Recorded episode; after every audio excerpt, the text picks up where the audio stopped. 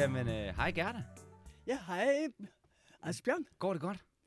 Ah, det synes jeg nok. Nu efter corona, man har vendt sig til coronatiden, bliver det jo lidt friskere Mm. nu Ja. igen. Men hvor er det varmt, det er alligevel lidt dæmpende. Fuldstændig. Det er Mm. sindssygt. Det er faktisk sindssygt varmt. Jeg har svedt som et svin på vej hernede. Hvad hedder det? Um... Gerda, du er jo øh, historiker af uddannelse. Og har skrevet op til flere bøger om Det alle var du emner. overrasket over, hvor i alverden har du fundet mig hen så til det her? Jamen, det, det er... Jeg har bare fundet dig ved at søge på sygdom i fortiden. Nå, ja. Fordi jeg var interesseret i at lave et program. Ja, Fordi ja, at ja. jeg tidligere faktisk i gang, havde været i gang med at lave et program om den justinianske pest. Åh oh, ja, Nå, Fordi- så ved du meget mere om den, end jeg gør. Jamen, det, det kan godt være, men der er helt sikkert tilsvarende tusind ting, du ved mere om, end jeg gør. Så jeg synes, og, jeg, og der, der var det, jeg faldt over øh, Procopius, Ja. som var øh, Justinians, øh, hvad hedder det, bedste general Belisarius Ja. sekretær, og som Ja. fulgte ham jo rundt i øh, det østromerske rige på Ja. øh, togter, og har skrevet en masse, kan man sige, en af vores mest værdifulde kilder fra, Ja. fra det østromerske rige. Ja. Og han beretter jo så om, øh, hvad hedder det, den her justinianske pest, Ja. da den rammer Byzantium tilbage der i 400 og 410 Ja, eller sådan Ja, noget, ja, ja. præcis. Og jeg synes, det var et fuldstændig vanvittigt billede, han tegnede af den her by, der bliver ramt af en pest. Ja. Altså, hvordan folk de bare, du ved, falder til højre og venstre. Der er ikke pladser nok, Ja, så de er nødt til uha, at ja. fylde tårnene i byen op med lig. Ja. Så at stanken, når vinden den så kommer, ikke, så trækker det her tårn. Stanken fra luften, ja, den ja, kommer ligesom ind. At det er fuldstændig altså, groteske billeder. Ja. Og så var det, jeg for nogle år siden begyndte at lave sådan lidt slægtsforskning. Ja. Hvor jeg begyndte at sidde og læse vores stamtræ. Hvor jeg gik Ja. helt tilbage, fordi vores stamtræ, mit, min families stamtræ på min mors side, der har vi ligesom øh, kildemateriale helt tilbage til 1400-tallet. Ja, Hvor man simpelthen... Rigtig flot. Så- hvad- ja. Det er flot For arbejde. kirkebøgerne går jo ikke så langt tilbage. Nej, det det er gør de alle ikke. mulige dokumenter, man skal finde. Min Mm. mor var slægtsforsker, så Okay. du skal endelig ikke fortælle for mig. Jeg hele min ungdom blevet orienteret om hendes resultater. Okay. Og når hun kom og besøgte os, kunne hun bringe, tilbringe hele aftenen med at fortælle, om det nu var Hans Peter, eller var det måske Konrad? Og så kunne, sad vi der, Ja, vi kunne ja, jo ja. ikke ja, okay. Men altså, jeg vil sige, der, fordi jeg synes måske heller Ja. ikke, at alle de der detaljer der, du ved, var så interessante. Men det, der slog mig ved Ja. at læse de her dokumenter, Ja. det var at se, hvordan at Det der bliver født det ene ja. barn efter det andet, Ja. som så udgår efter to Ja. år. Og jeg tror, det, der slog mig allermest, det var, jeg kan huske tilbage, jeg tror, det var i 1600-tallet eller sådan noget, så havde to af mine slægtninge, de havde født et barn, kaldt det Arthur. Så dør Arthur allerede et år gammel. Så føder de et år efter, han er død, et nyt barn, som de så også kalder Oscar Arthur. Det gør man gerne. Ja, mærkeligt, ja. Og, det, og det, altså det, det, det ramte mig bare, Ja. at se det der. Fordi Ja. det var sådan, du ved, der var et eller andet over det der med sådan, at den der sorg, men også den der naturlighed ved, at Ja. børn bare døde. Altså det synes det var bare sådan helt, øh, det ramte mig bare. Ja. Og jeg tror, at de to ting, altså Justinian og den her beretning fra Byzantium, Mm. blandet med den her slægt, og se den her børnedødelighed rent faktisk materialisere sig i ens egen slægt, at det har bare gjort mig enormt nysgerrig på, hvordan delen det må have været at Ja. leve i sådan en tid, hvor sygdommen ligesom var Ja. ja, en del Ja, af hverdagen på en ja. helt anden måde. Jo, ja, det er nemlig fuldstændig rigtigt, ja. Altså det med de her, med den store børnedødelighed, den er der jo. Vi har forskellige tal og til øh, forskellige tider og forskellige områder, men den kan godt ligge mellem 40 og 60 procent. Men øh, det, er, det er børnedødeligheden, og det er den, der trækker gennemsnitsalderen for øh, folk dengang i 16, 15-1600-tallet, så langt ned, at de ikke bliver ældre end 30 i gennemsnit. Det er ikke sygdom i senere forløb. Når et barn er blevet 5, 6, 7 år, så kan, den regne med, kan det regne med, at det bliver så gammelt som resten. Og det var dengang sådan 60, godt 60. Er det rigtigt? Ja. Det er simpelthen børnedødeligheden, der, og selvfølgelig er der sygdomme senere, ikke også, det er klart, men øh, det, det spredes så lidt mere. Men børnedødeligheden, og det er jo både døde barn, der bliver født med meget besvær, dem, der under fødslen dør, Og så spædbørnsdødelighed kalder man den til den 1-2 år gammel. Det var jo lige det, du også opdagede, ikke også? Og øhm, så er det altså, når man er over de hørtler der, så, så kan man være et normalt menneske på den tid.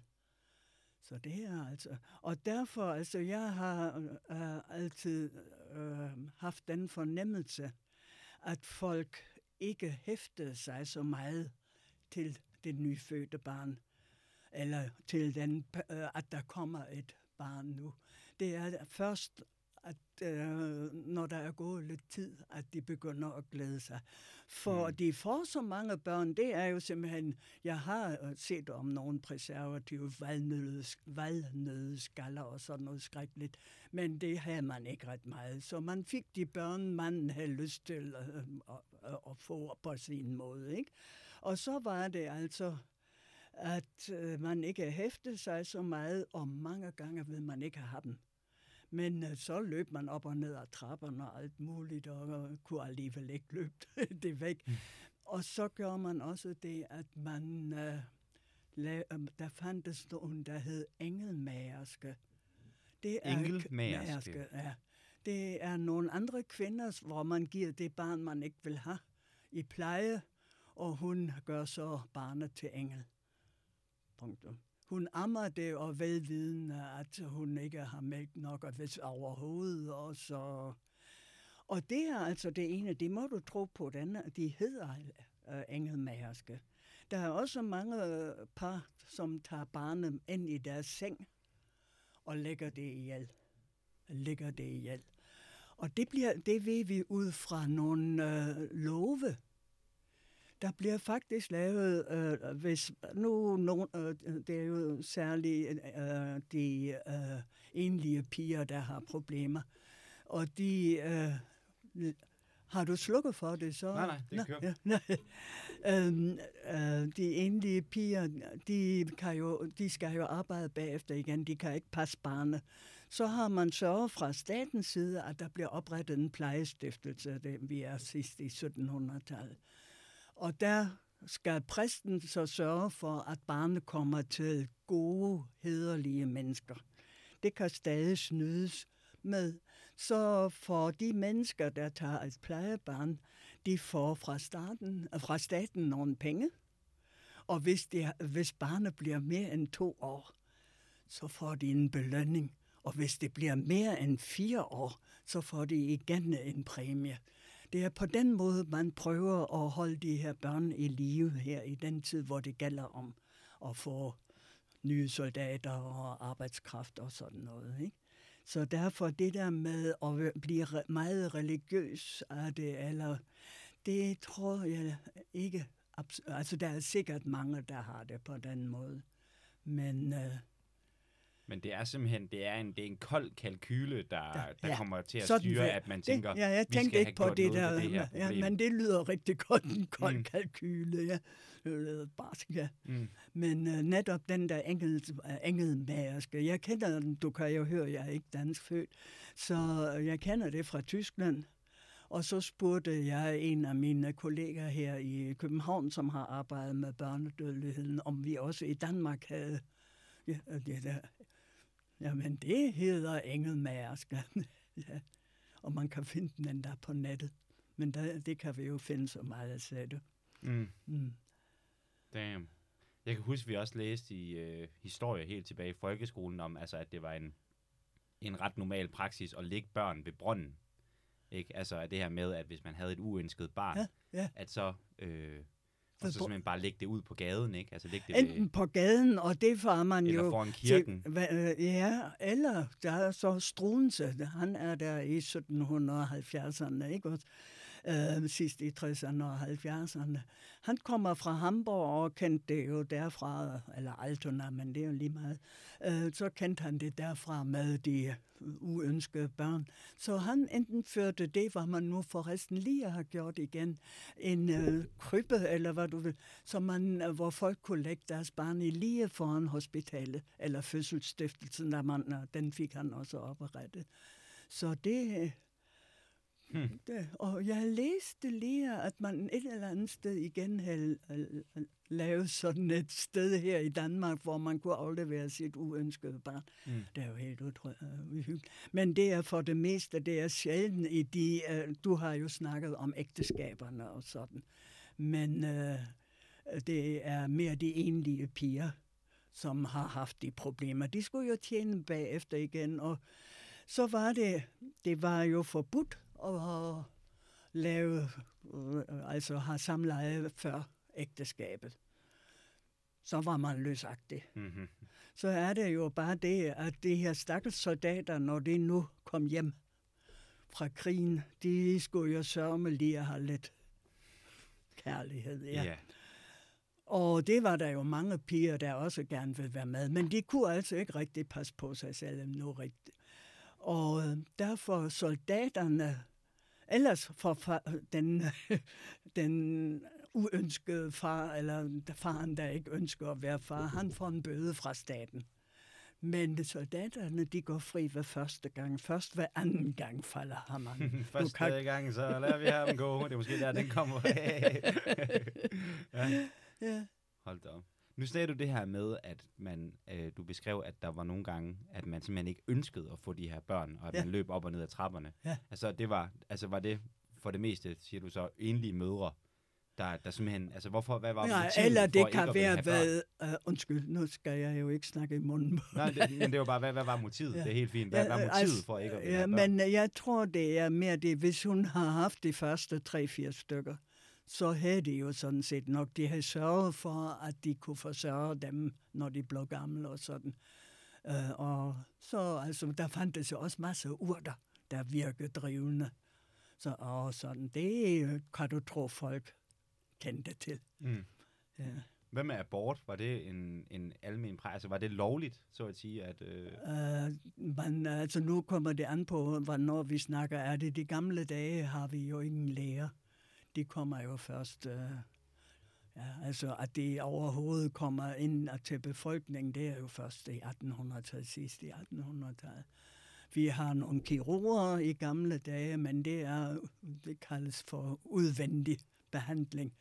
De må ikke give piller, og de må ikke øh, skære i kroppen. De må godt øh, rette, øh, skære benet af, hvis det er øh, blevet skudt på eller sådan noget. Ikke? Men øh, der er helt klare regler, hvad de må. Og det er... Så det der med abort, der er, hvis så går de, gik folk til det kloge. Altså vi har et samfund, hvis, nu ved jeg ikke, hvor jeg skal starte hen med, hvilken tid vil du gerne have belyst. hvor, end du, hvor, du, hvor end du tænker, det giver mening. Altså, øh, hvis vi nu tager sådan en tid fra omkring øh, 1600-tallet og op efter, der har vi overhovedet ingen læger. Eller lad os sige det, nu er jeg lidt for skrab. Øh, ved reformationen, det er et spørgsmål, du jo har senere med hensyn til, hvordan vi øh, hvordan vores øh, øh, sundhedsvæsen ser ud. Altså indtil øh, reformationen, der har vi øh, klostre og der munke, som passer de syge. Og så er det jo i 1536, hvor, øh, 1536, hvor vi får reformation. Godt. Øh, så er det ikke længere kirken, der står for sygeplejen, men staten. Og det finder de jo hurtigt ud af, og hvad gør de? De ansætter i hver stiftby en læge. Vi har ni stiftbyer, der fik en læge. Så der er ni læger til hele Danmark, ud over København. I København har vi universitet og livlæger og sådan noget. Ikke? Men der har vi. Og der sker ikke noget de næste 200 år cirka. Der har vi de her ni læger. Så er der et par enkelte, men der er kirurger, og det er jo barber. En Mhm. barber kan, fået en, kan få en ekstra uddannelse hos mesteren, og så gå på, øh, hvad hedder, på valsen, ikke? Hos, og få lidt ekstra øh, vide med operationer og sådan. Så det er de andre. Og dem har man så nogle af os, så har man alle de kloge folk, og de er så kloge, og de kan deres urter, ligesom munkene kunne nu, så der er noget. Jeg håber ikke, jeg er alt for blasfemisk her at sige. Men altså, det er sådan. Mm. Og derfor er der ikke noget med, at man kan få abort eller så. Man kan gå til den klog, hvis der er nogen, eller nogen kirurger, der er sådan, ligesom det er jo forbudt. For staten vil gerne have de børn. Øhm, fra omkring, øh, ja faktisk fra enevældens indførelse, og den er kommet rigtig godt ind i tronen for, øh, i, i, øh, i magten, der, der vil man sådan set gerne have mange børn. Mange. For vi får, det er også den merkantilistiske tidsalder, kan, det skal jeg nok lige forklare. Der vil man gerne, at øh, staterne skal stærke, være stærke. Kongen skal være enevældig, det er han for længst, og så skal han altså være rigtig stærk. Så er problemet det, øh, tja, øh, vi skal jo, for at være stærk, skal vi jo have en, et godt her mm. og ikke de der lejesoldater. Er, altså skal vi have nogle flere børn. Og det er jo samtidig med, at industrialismen øh, går igennem, og øh, der kommer alle de manufakturer og nye fabrikker og alt muligt. Og der skal man også have børn. Så derfor skal staten jo sørge for, at der er mulighed ja, for der det. skal ikke? være flere varme hænder. Det snakker vi også om ja, i dag. Ja, ja, ja. Godt. Ja. ja, jeg tror, du må sådan, at det bliver her lidt mm. monologagtigt. Mm. Jamen, det er også dejligt. Det er, også, det, det er derfor, vi er her. Det, jeg, altså, det er dig, der er eksperten, kan man sige, i alt det her. Jeg, og jeg synes, det er mm. sindssygt spændende. Så vi har altså et billede af, så vidt jeg kan forstå, af et minimalt sundhedsvæsen. Ja. Øhm, og vi har en situation, hvor i vi har en koloenorm børnedødelighed, ja. som du også siger, trækker gennemsnitslevealderen ned, og det, altså, det er allerede første sådan, kæmpe, hvad kan man sige, overraskelse for mig her, ikke? Fordi ja. mm. man er jo vant til at høre det der med gennemsnitslevealderen, den ja, var 35, ja, ikke? Ja. Og det er sådan noget, man bruger som sådan en chokerende ja. faktum, ikke? Om ja. middelalderen. Øhm, men det er jo et eller andet sted spændende, at så meget af det skyldes børnedødelighed, at et menneske, der faktisk kom igennem nåleåret, mm. ja. Øhm, faktisk vil leve ret ja. øh, normalt. Så det er jo sådan et, det er sådan lidt, øh, vildt for mig at høre. Og, ja, netop. Det, ja. det tænker man jo ikke umiddelbart på. Nej. Mm. Det er jo statistik på den måde, ikke? Der er på den måde ikke, øh, der gemmer på, på mange ting. Mm. Men hvis nu vi alligevel skal prøve at dykke lidt ned i det her med sådan sygdomshistorien, hvad er så de største sygdomstrusler alligevel i Danmark? Altså, er, er de her sygdomme, som vi, altså nu, nu har jeg skrevet forsyge, kopper, tuberkulose og, og, og diverse sådan parasitinfektioner som folk får, som jeg har, har mm. læst, når man sidder og læser historien, så er det tit, man lige hører om, at der er en, der lige derfor af til et eller andet parasit. Man ved ikke rigtig, hvad det er, men det dør han så lige af, ikke? Eller hun også af. Altså, hvad er... Øhm, hvad, hvad, altså, hvad er det for nogle, hvad er det for et sygdomsbillede, vi har her? Hvad er, hvad er det her for nogle sygdomme, folk de dør af på det her tidspunkt? Ja, altså se, øh, der er jo ikke engang epidemierne, og pesten, den er jo den værste. Pesten øh, begyndte i 1300-tallet, og dengang tog den op til 60 procent af en befolkning. Forestil dig det. Simpelthen 60 procent. Den pesten kom jævnligt, den begyndte altså i, 13, øh, ja, 1348, men den øh, kommer jævnligt. Den kom endnu fire gange i 1300-tallet, og så virkelig jævnligt. Den sidste her i Danmark, den var i 1710 og 11 i Helsingør og København. Og der tog den mellem 20 og 30 procent med. Og så var der jo så, når det øh, var sådan et angreb, så var der jo, du spurgte også om, øh, om, om erhvervene og sådan noget, så er der jo mange ødegårde. Og det er i første omgang skrækkeligt, men så kommer jo de fattige husmænd og kan så overtage, hvis de nu kan, kan få lov til det, den her ødegård, hvis der ikke er nogen familie tilbage og sådan. På den måde har det altså også, når der lige var øh, måske lidt for mange fødsler, så kom sådan en pest ganske... Behendigt. Ja, ganske behendigt. Mm. Fint, ja. Øh, det er pesten. Den er altså den største dræber, men den slutter i Europa i øh, sådan 21, tror jeg, den nede i Det er Marseille. alligevel også lang tid, sidste. mand. Så det er 400 ja. år, Ja. hvor den simpelthen bare haver og Ja. bliver ved med at komme igen og igen og ja, igen. Ja, ja, netop. Og i byerne er det jo særligt den tager fat, ikke? Og så, Mm. så, øhm, så sn- nævnte du øh, kopper. Kopper, det er en af mine yndlingssygdomme, hvis jeg må sige det, fordi den er så forholdsvis sen, at vi har mange kilder til den. Hmm. Og øh, kopperne, de... Ja, nu skal jeg lige se. Øhm, de kom... Det var jo en børnesygdom. Og de kom, øh, kom sådan med 3 til fem års mellemrum. Lige når et nyt øh, kul var, var en god størrelse, var igen på Mm. benene, havde jeg nær sagt. Ikke? Så kom den og tog op til 40 procent med. Op til halvdelen kan den tage med. Altså det varierer lidt også, hvordan, øh, hvilken tidspunkt vi øh, kigger ned på, eller hvilke øh, steder det drejer sig om. Og i, øh, øh, i øh, områder, hvor der er meget fattigdom, der er den selvfølgelig endnu hurtigere og sådan, mm. ikke?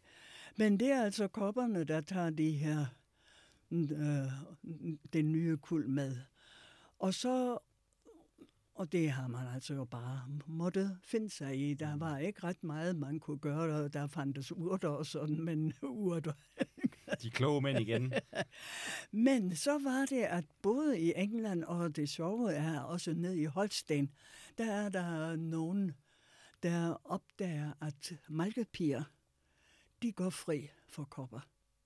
Hvordan hulene kan det ske? Malkepiger går fri. Og det kan ske af den grund, de malker jo køerne, og køer kan have kopper på deres yver, de små blære. Og når malkepiger malker, så kan der jo være rifter i hendes hænder, og så bliver hun altså smittet af kokopper. Og det opdager man altså både i Holsten og i England, og der er der en kvik herre, som hedder Jenner, som så tænker, det må hænge sammen på en måde, at de piger her er befriet fra kopper. Så vil jeg tage nogle af de kokoppeblære og pode det ind hos nogle unge mennesker og se, hvad der sker.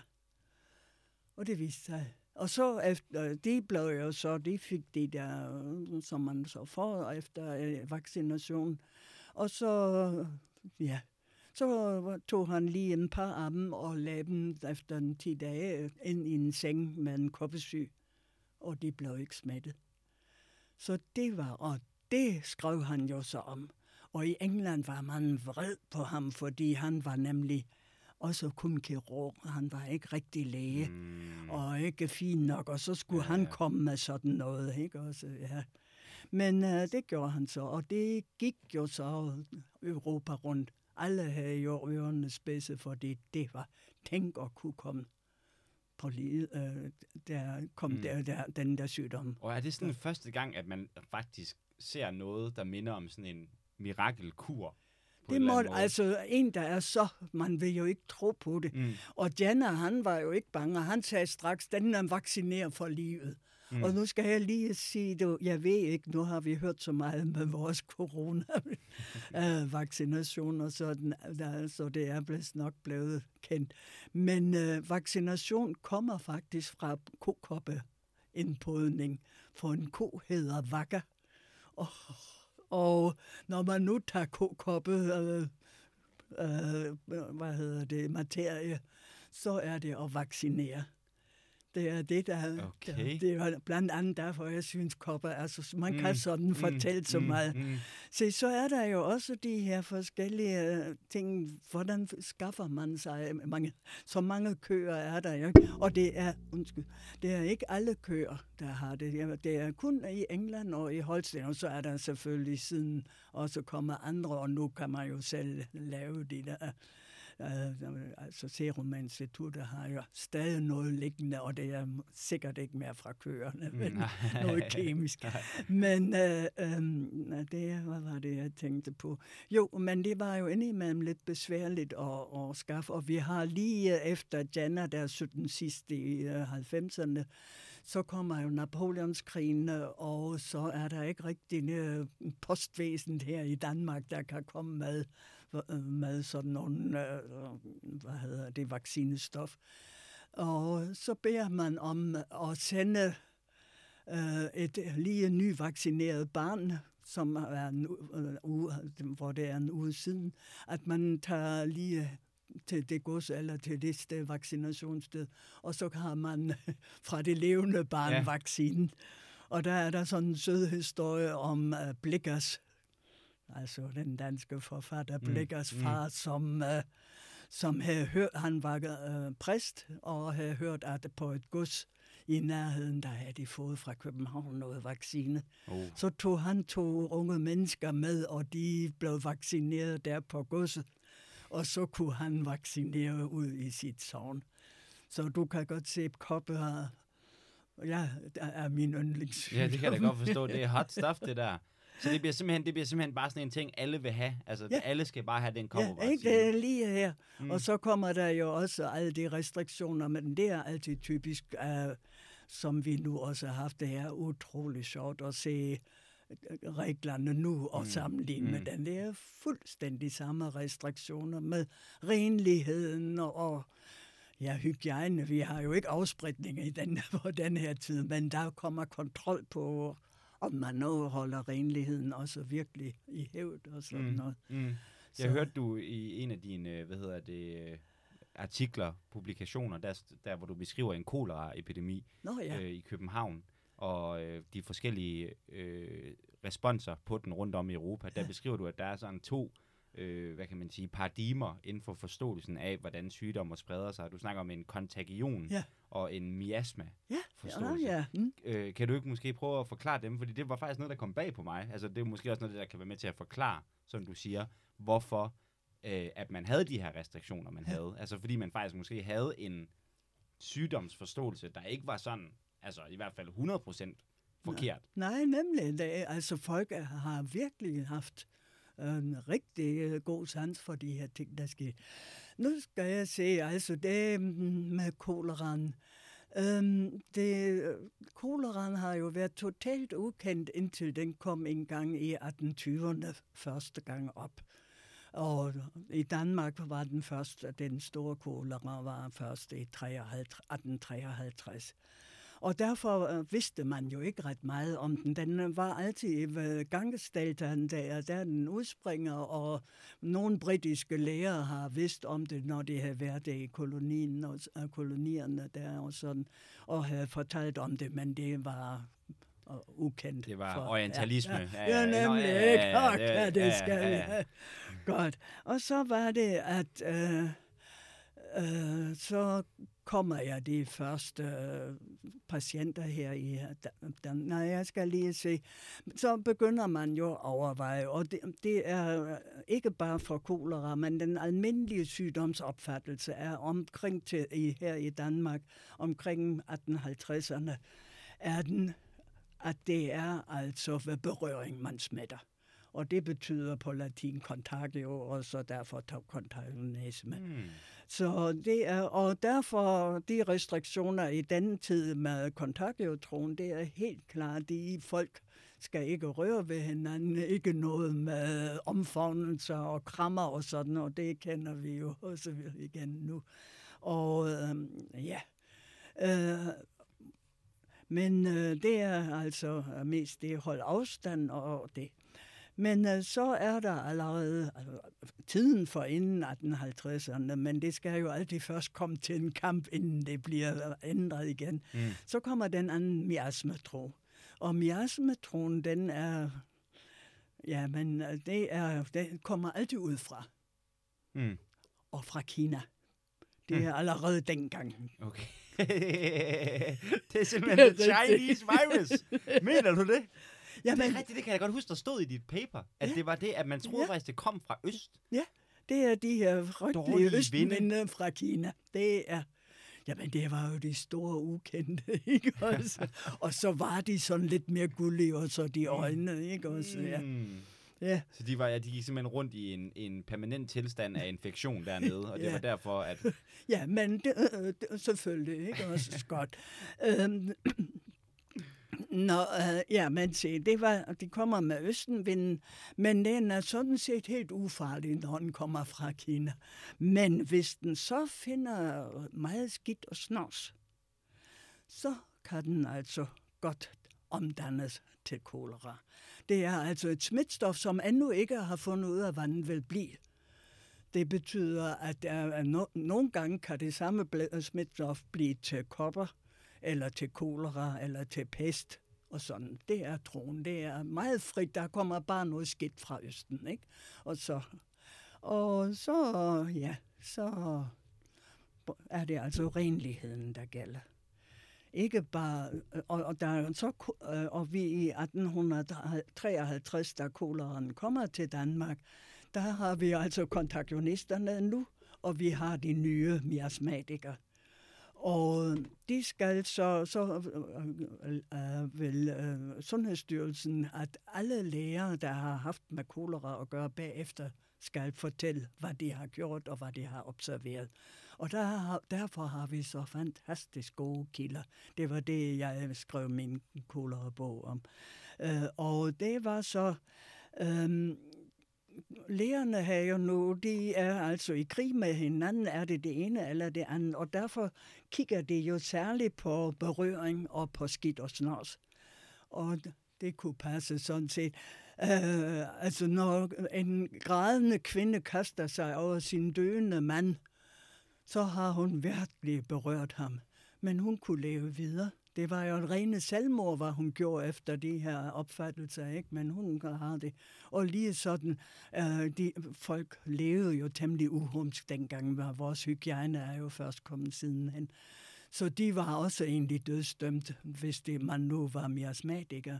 Så der var altså noget, der var virkelig man skulle passe på, men man kunne i hvert fald finde ud af, at man skulle ikke berøre hinanden, og man skulle være Hold rent. Ja. og så gik folk jo i øh, København rundt fra hus til, nogle frivillige borgerlige gik rundt fra hus til hus for at lære folk at vaske sig med anvisning, jeg har set. Man tager en svamp, dypper den i varmt vand og så videre. Kan du se, lille, lille frøken? Ja, ja, ja, ja, ja. Mm, mm. Men jeg synes jo, det der er sindssygt spændende ved at høre om det her, det er jo fordi, at nu studerer jeg psykologi, og jeg har snakket med, med flere læger, også Ja. i forbindelse med det her program. Og når man spørger dem ind til fortidens sygdomsforståelse, Ja. så er det svar, man næsten altid får, det er, at der var den her øh, sygdomsforståelse om de fire væsker, Ja. lægemsvæsker, tilbage fra det Ja. antikke Grækenland. Ja. Og så kom Semmelweis øh, og opfandt øh, germ theory. Ja. Men det her mellemliggende skridt med miasma og kontagion, kontagionsteorien, mm. det er som om, at det bliver, bliver behendigt glemt, ikke? Og det kan Ja. jeg nogle gange godt undre mig over.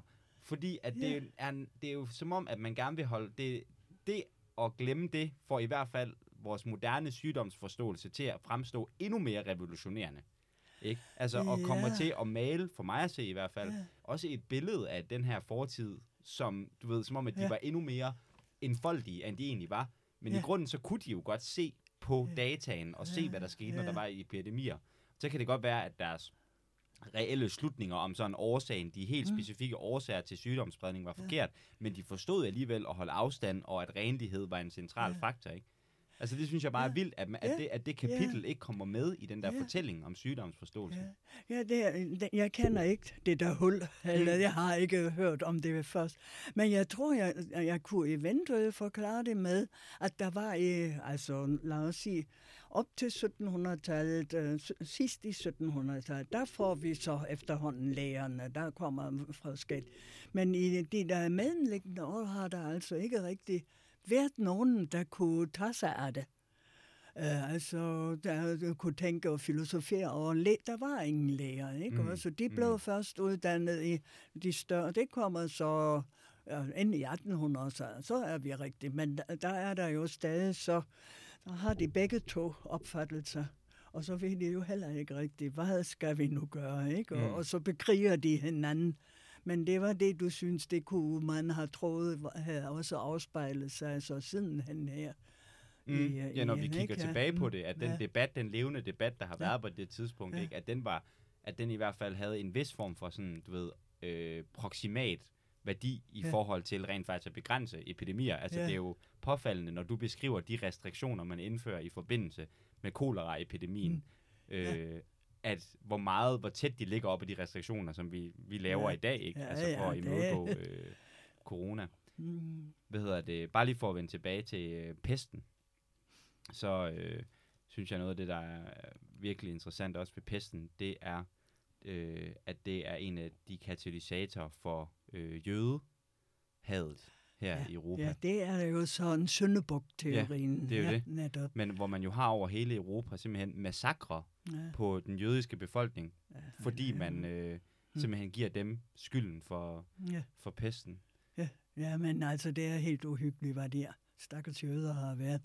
Men øh, nu skal vi jo ikke snakke politik, men Mm. nu er det ligesom, at man øh, øh, tager lidt afstand i øjeblikket fra det. Men de har godt nok været syndebukke. Det, jeg har læst øh, nogle bøger om det, og det er fra begyndelsen af vores tidsregning her, nær sagt. Ikke? Mm. Eller i hvert fald siden det blev øh, aktuelt med jøder og ikke jøder.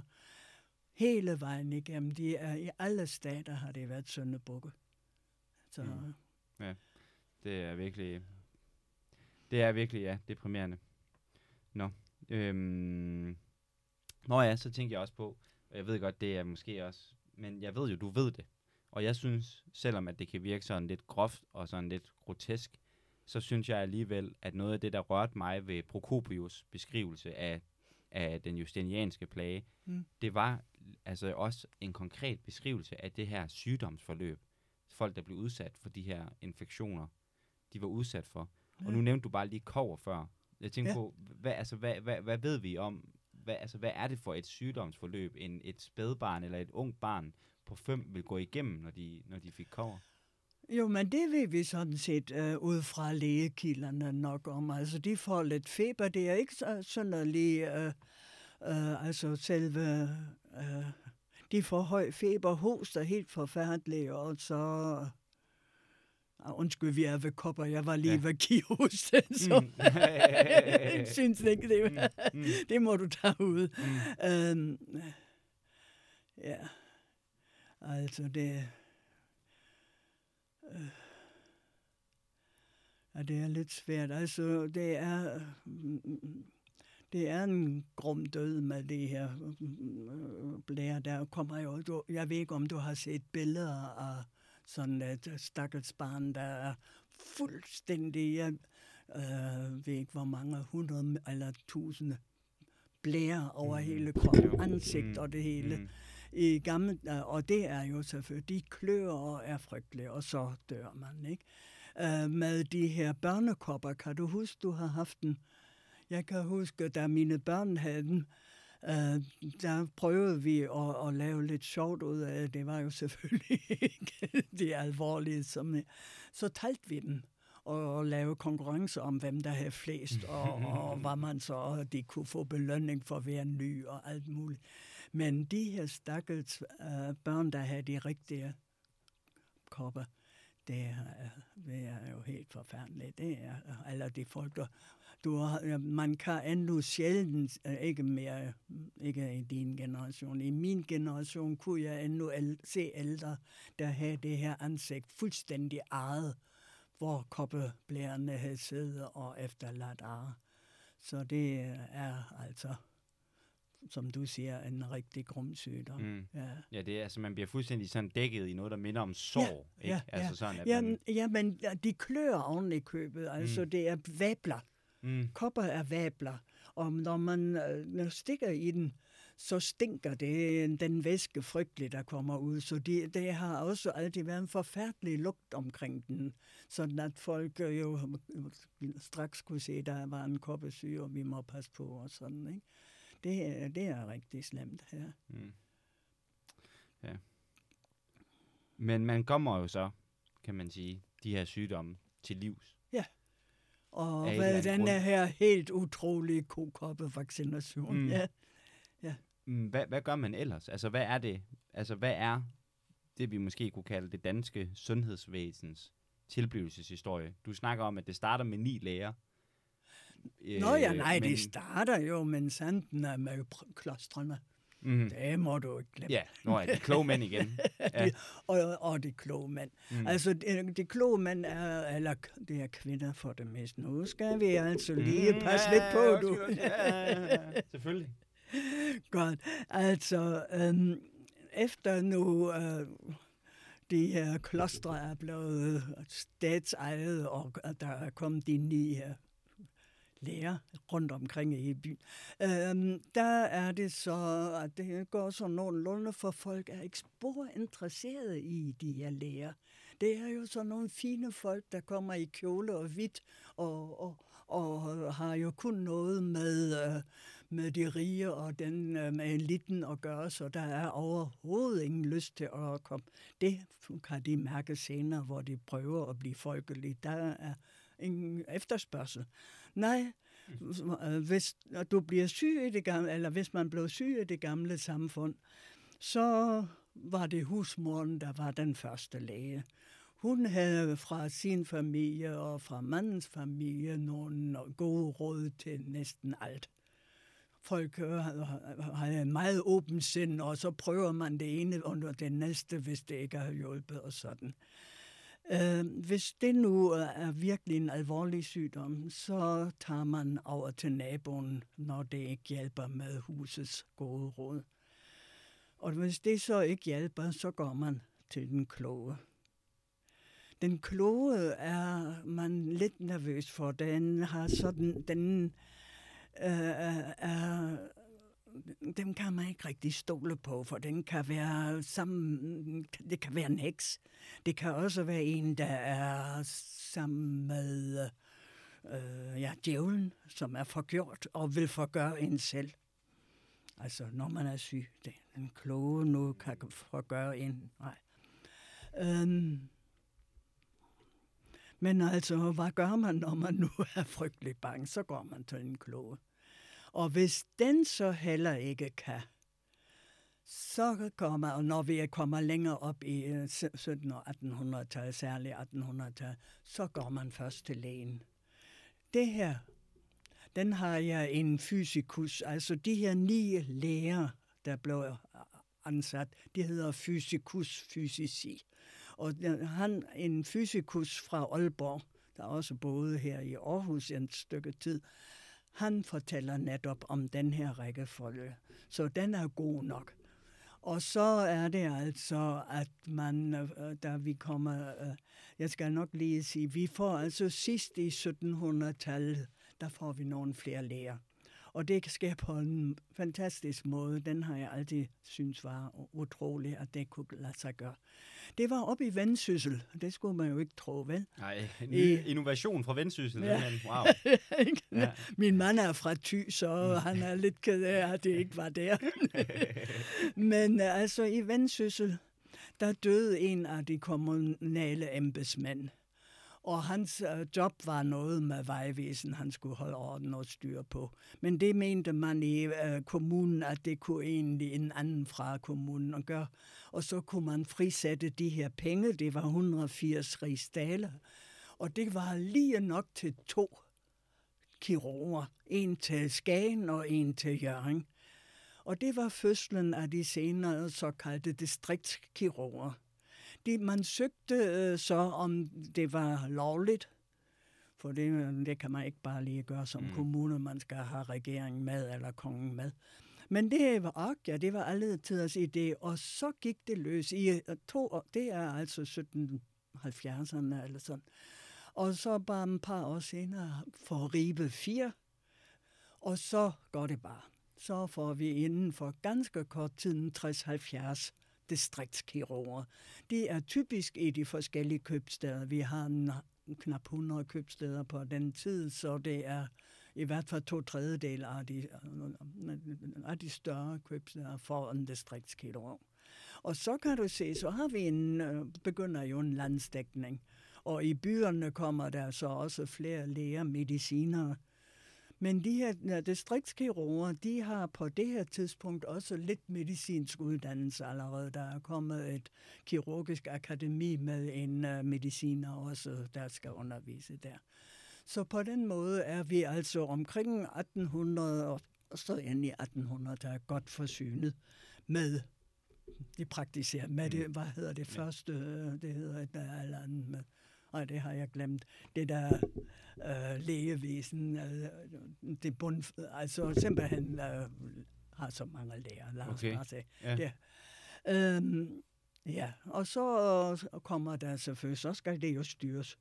Så derfor, de kommer jo, som du allerede var nævnt med de her to, to forskellige teorier, læger er meget bevidste om deres kunden dengang. De Mm. var jo virkelig nogle folk. Og de var vel de ypperste uddannede Ja, på den ja, måde, ligesom nemlig. præsterne, Ja, ikke? Der ja, var ikke? dem og præsterne, der ligesom Ja, ja. kunne læse. Ja, eller mindre. nemlig, Ja, ikke? ja, Ja, ja. ja, netop. Så de øh, sørger så for, at øh, øh, folk altså nu, nu skal jeg lige finde tråden igen.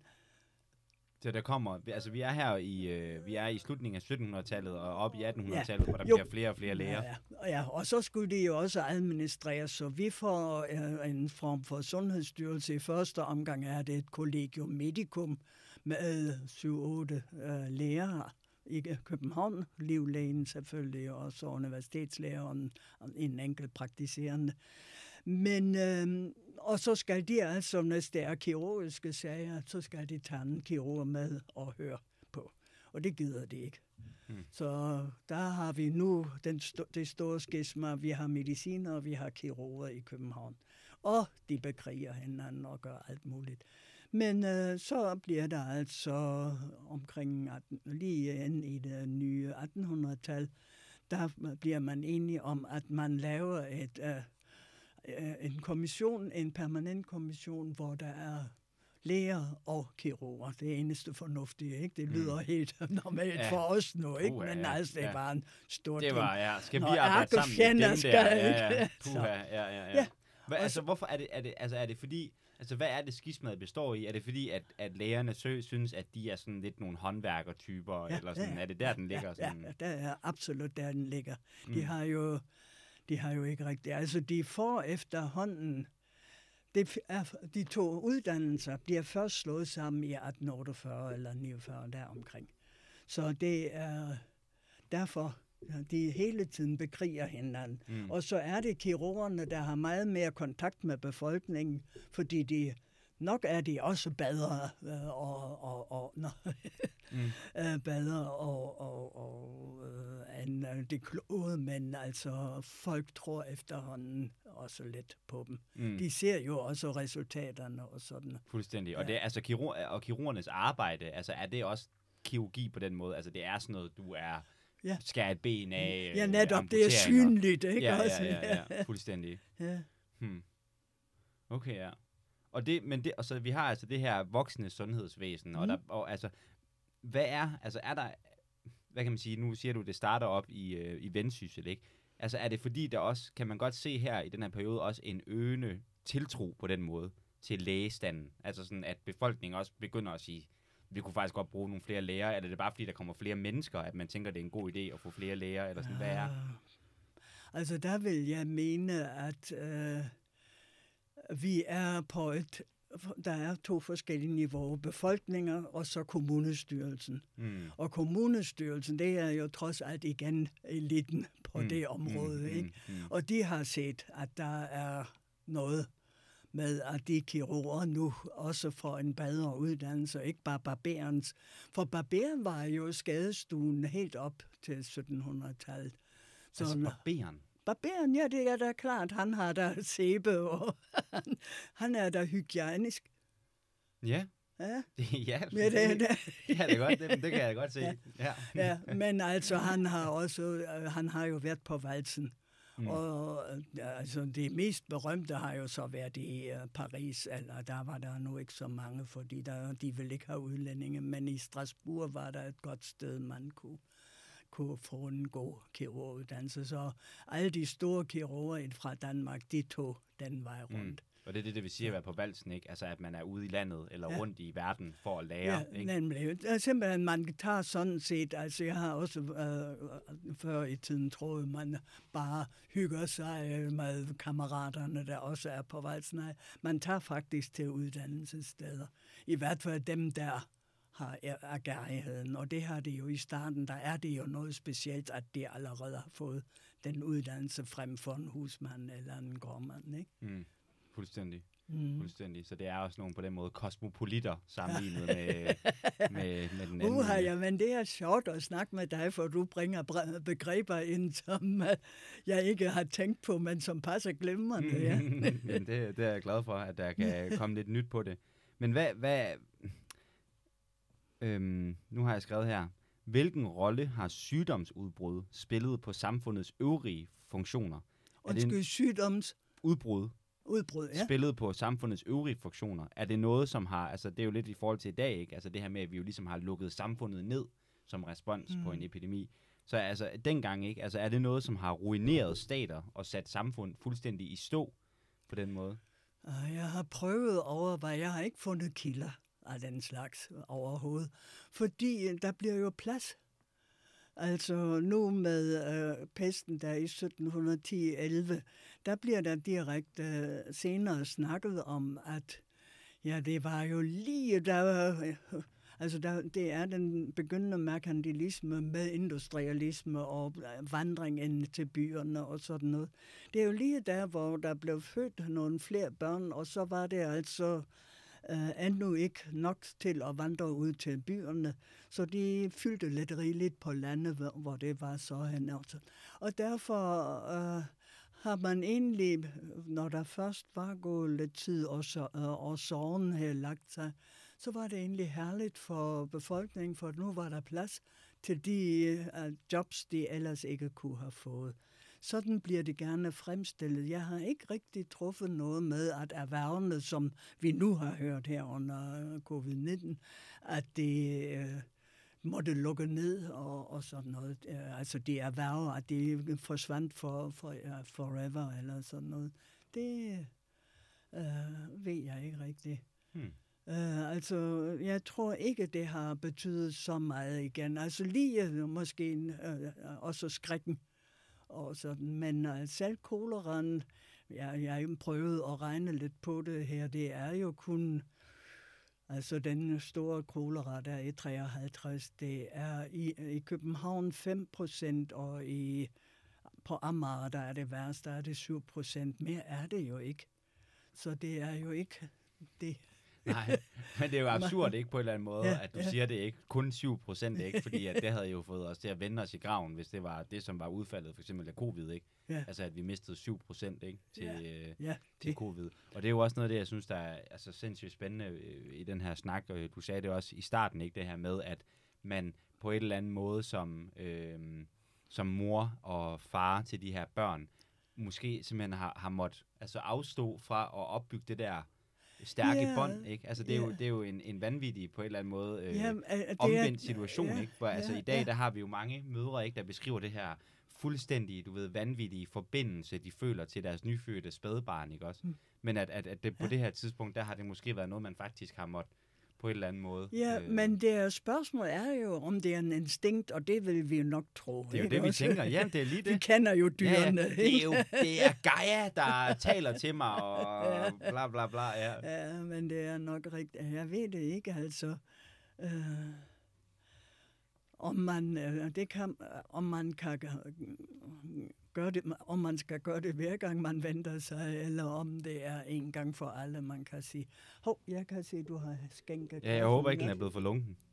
Ja, jeg håber ikke, den er blevet lunken. Mm. Ja. Mm.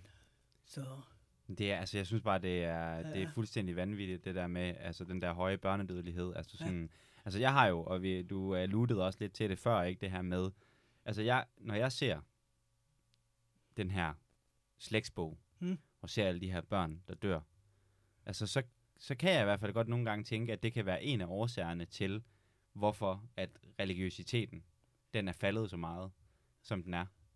Jeg tror... for det, det er nu ikke dør. Ja, er simpelthen af den Ja, årsag, ja. at det, at du føder det her Mm. smukke Mm. spædbørn, ikke? Guds gave til mennesket, ikke? Mm. Ja, sådan blev det jo altid sagt. Det Og så er- ser man dem forsvinde, Mm. 50 procent af dem, ikke også? Ja. Altså, det må da for en, altså, du ved, du kender udtrykket, herrens veje er urensagelige. Mhm. Altså, Mm. jeg tænker bare, at hvordan delen skulle man ellers kunne finde en mening i at se 50 procent af ens børn forsvinde, andet end at der var et eller andet højere magt Mm. til stede, ikke? Altså sådan, Ja, ja, jo, men jeg kan godt, men jeg tror, jeg tror simpelthen ikke, at det har været sådan.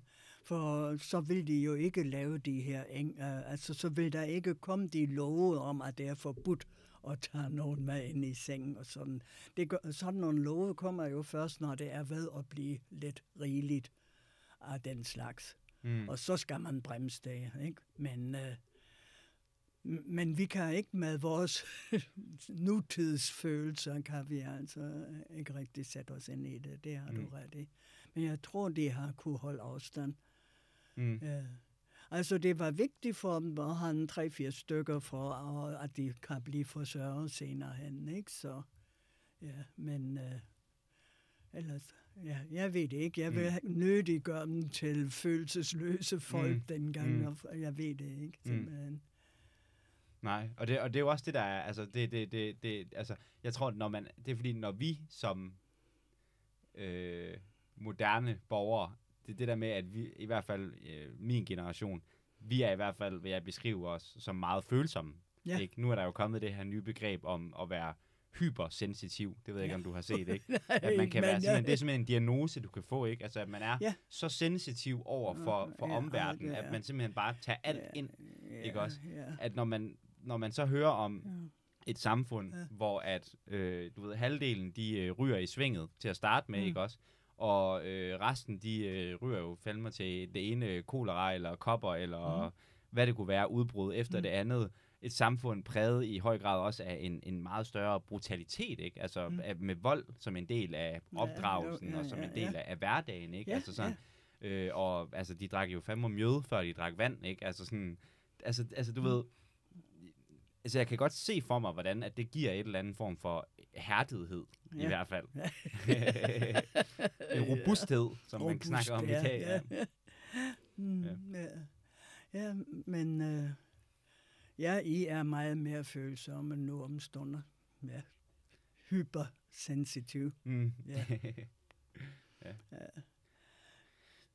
Ja. Jamen, øh, Gerda, jeg ved ikke, øh, er der noget, du tænker, vi, øh, er der noget, vi ikke har kommet igennem? Det er jo dig, der skal Ja. vurdere. Jeg ved ikke, jeg synes, vi har været egentlig meget godt Ja, omkring. Vi har ja. fået snakket om nogle af de her konkrete sygdomme. Øh, vi har fået snakket om sådan den der udvikling. Vi har snakket om den her høje børnedødelighed, og hvordan folk de forholder sig til den. Øhm, så jeg tænker egentlig sådan, at vi er, at vi er meget godt. Ja, men Igennem. øh, jeg tror da også, at jeg har sagt så nogenlunde det, jeg havde på hjertet. Ja, Jamen, på dine spørgsmål, fordi det var nogle gode spørgsmål, du stillede. Der var noget, som jeg tænkte på, øh, hvor du spørger, om folk sparede op til øh, pensionen eller til alderdommen, og, og, og det øh, gør man ikke. Vi har ikke haft øh, pengeøkonomi før omkring 1900.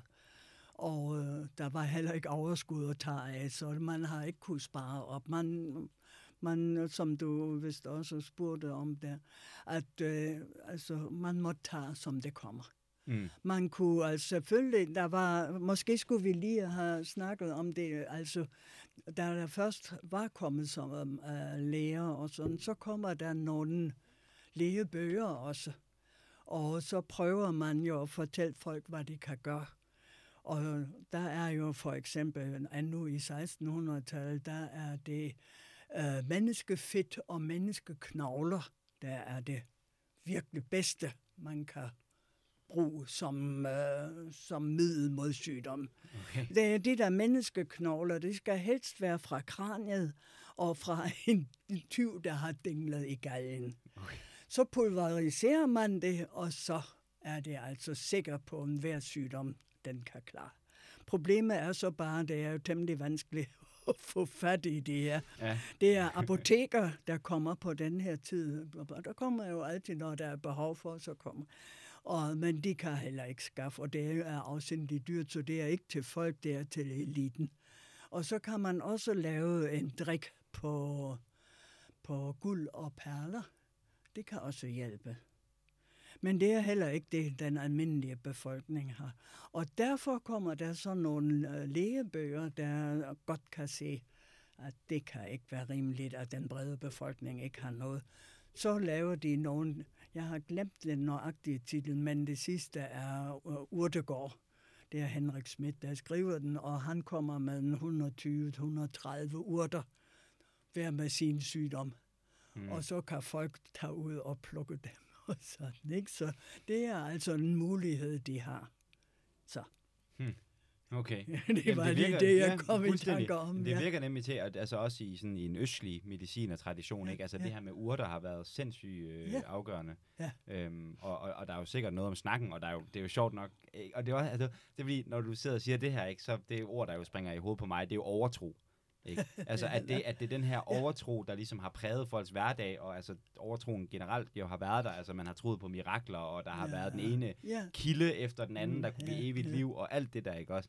Men du ved, altså min mor, det er ikke særlig længe siden, hun købte nogle øh, piller, du ved, fra et eller andet, øh, du ved, helseforretning, ja, ikke også? Ja, som ja. skulle kurere hendes uh, irritable et eller andet skulder, ikke? Ja, altså sådan, det er netop de der ikke, helseforretninger, at mm. de stadig kan... Mm. Ja. det er det. Men altså, når det kommer til vores helbred, ikke? det er jo utroligt, ikke? hvor meget vi på den måde stadigvæk er... Liberal, er, meget liberal. Mm, ja, præcis. Meget åbent. Ikke? Meget åbne. Og det giver jo mm. også altså, god mening, fordi du ved... Ja. Altså, det, er så, det er så sjovt, det der med sådan at vi lever i en videnskabelig tidsalder, hvor man gerne vil bero sig så meget, som man overhovedet kan på data. Mm. Men når det kommer til vores egen krop og vores egen oplevelse af velvære, ikke? Ja. Så, kan, så er det altså tit, at den der data, den øh, kan, du ved, rende et vist sted hen, ikke? Fordi at det, det, jeg skal bare have det ja. godt. Jeg skal ja, bare have det godt, netop, og det er det vigtigste for mig. Egoismen, ja. Mm. Jo, men det er jo vores livsopholdelsesdrift, drift, mm. ja. ikke også? men fuldstændig. Ja, den griber fat, hvor den kan. Mm. Og det, det, ja, det er lidt, det er bare lidt sjovt, altså sådan, og, ja, hvad hedder det, um, ja, måske synes jeg egentlig også, altså fordi, du er jo en, du er jo en forfatter, med en, et ret imponerende bibliografi efterhånden. Du har skrevet Nå, flere, ja. øh, flere ja, men bøger. jeg er også gammel. Du er også gammel. Du har haft god tid. Det er rigtigt. Men hvad, mm. altså, hvad, måske du kunne prøve bare lige at fortælle, hvad, hvad er det egentlig, du har? Altså, hvad er det, du har sådan involveret dig i af forskellige ting igennem historien? Fordi du er jo en meget spændende person. Nej, det... Altså, historie, det var allerede i min skoletid faget. Og jeg tror, det er min gamle 80-årige latinlærer, der er skyld i det. Ham her fik vi historie, og vi skulle skrive en stil, og der havde jeg en fejl. Og alligevel havde han givet mig topkarakter. Så gik jeg hen til ham og sagde, at han havde overset den her fejl igen, selvom han havde. Og så sagde han, jeg kan mærke, at du er interesseret. Tænk at få det at vide af en sådan gammel mand, som man synes godt om. Det har ligesom været en anledning til. Og så har jeg jo læst uh, kilder sidenhen, og jeg kan huske, da jeg for første gang læste en kilde fra 1200-tallet. Det var en øh, kronik om uh, Frederik Barbarossa. Han var jo i krig mod Italien, Norditalien mod langobarderne. Og så fortæller den kronikør, Otto von Freising, som han hedder, at de her langobarder, de var ikke så mange, som de gerne ville. Derfor tog de deres koner med ud i slagmarken og bandt deres lange hår som skæg her. og så var det jo dobbelt så mange nærmest, ikke også? Og så tænkte jeg, det historie, det er rigtigt. så det, sådan kan det komme, ikke? Mm. Men altså, jeg har, ja, jeg har jo været på universitetet i de 40 år, og har haft det utroligt dejligt. Vi har, der har været, mm, selv i 68'erne, og der var det der gik det vildt Det var sådan lidt indimellem, var man lidt bange for, hvor klarer jeg den her? Men altså, det, så kunne man jo snakke med de unge mennesker alligevel, ikke? Og så, og så lavede vi en studiekreds. En af mine kollegaer kom, sagde, at vi kunne da gøre sådan. Og så tager vi dem med ind i en studiekreds, og så, og så fik vi altså et glemrende arbejde ud af det. Og sådan. Det, Jeg har simpelthen nyttet det meget der.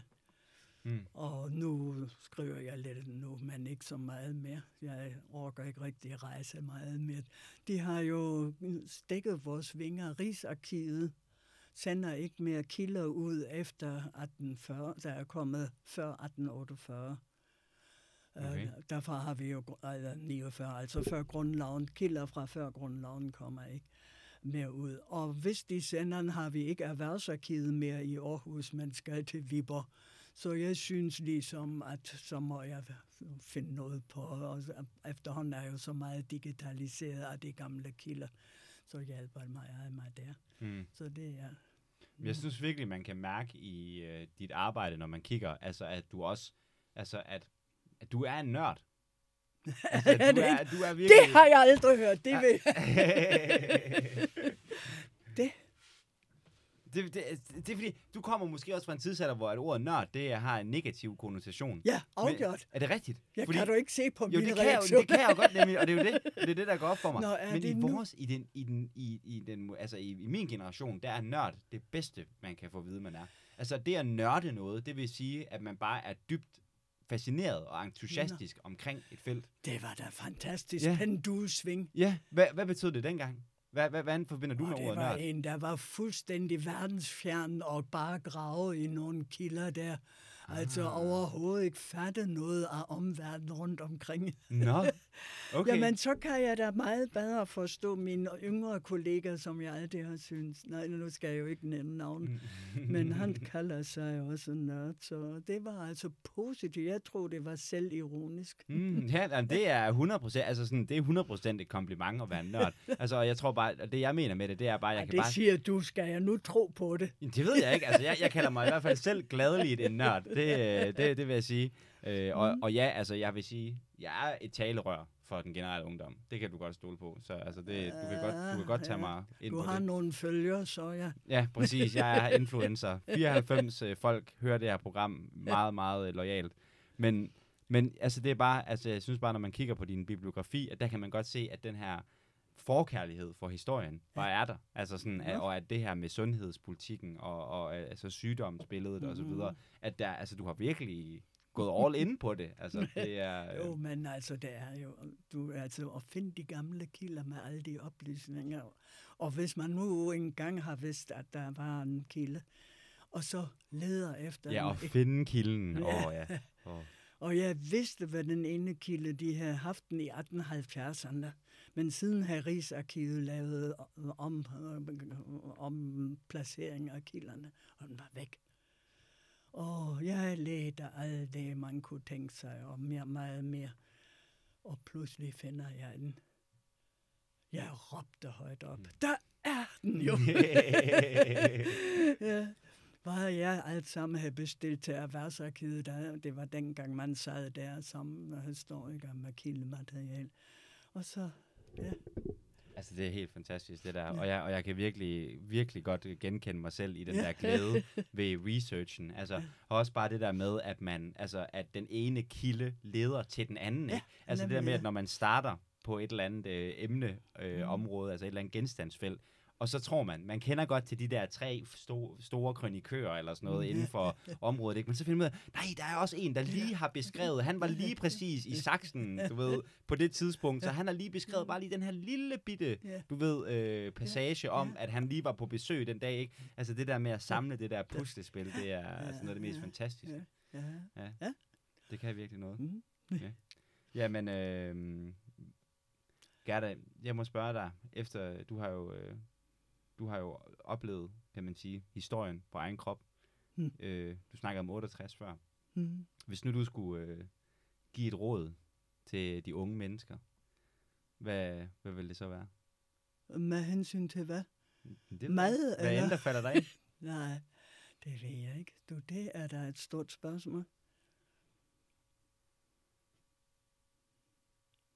Nej, øh, for de ting, man så kommer til, hvad er jeg lidt og alt det der, det er jo ikke det, det. Nej, du, det synes jeg kan være lidt svært.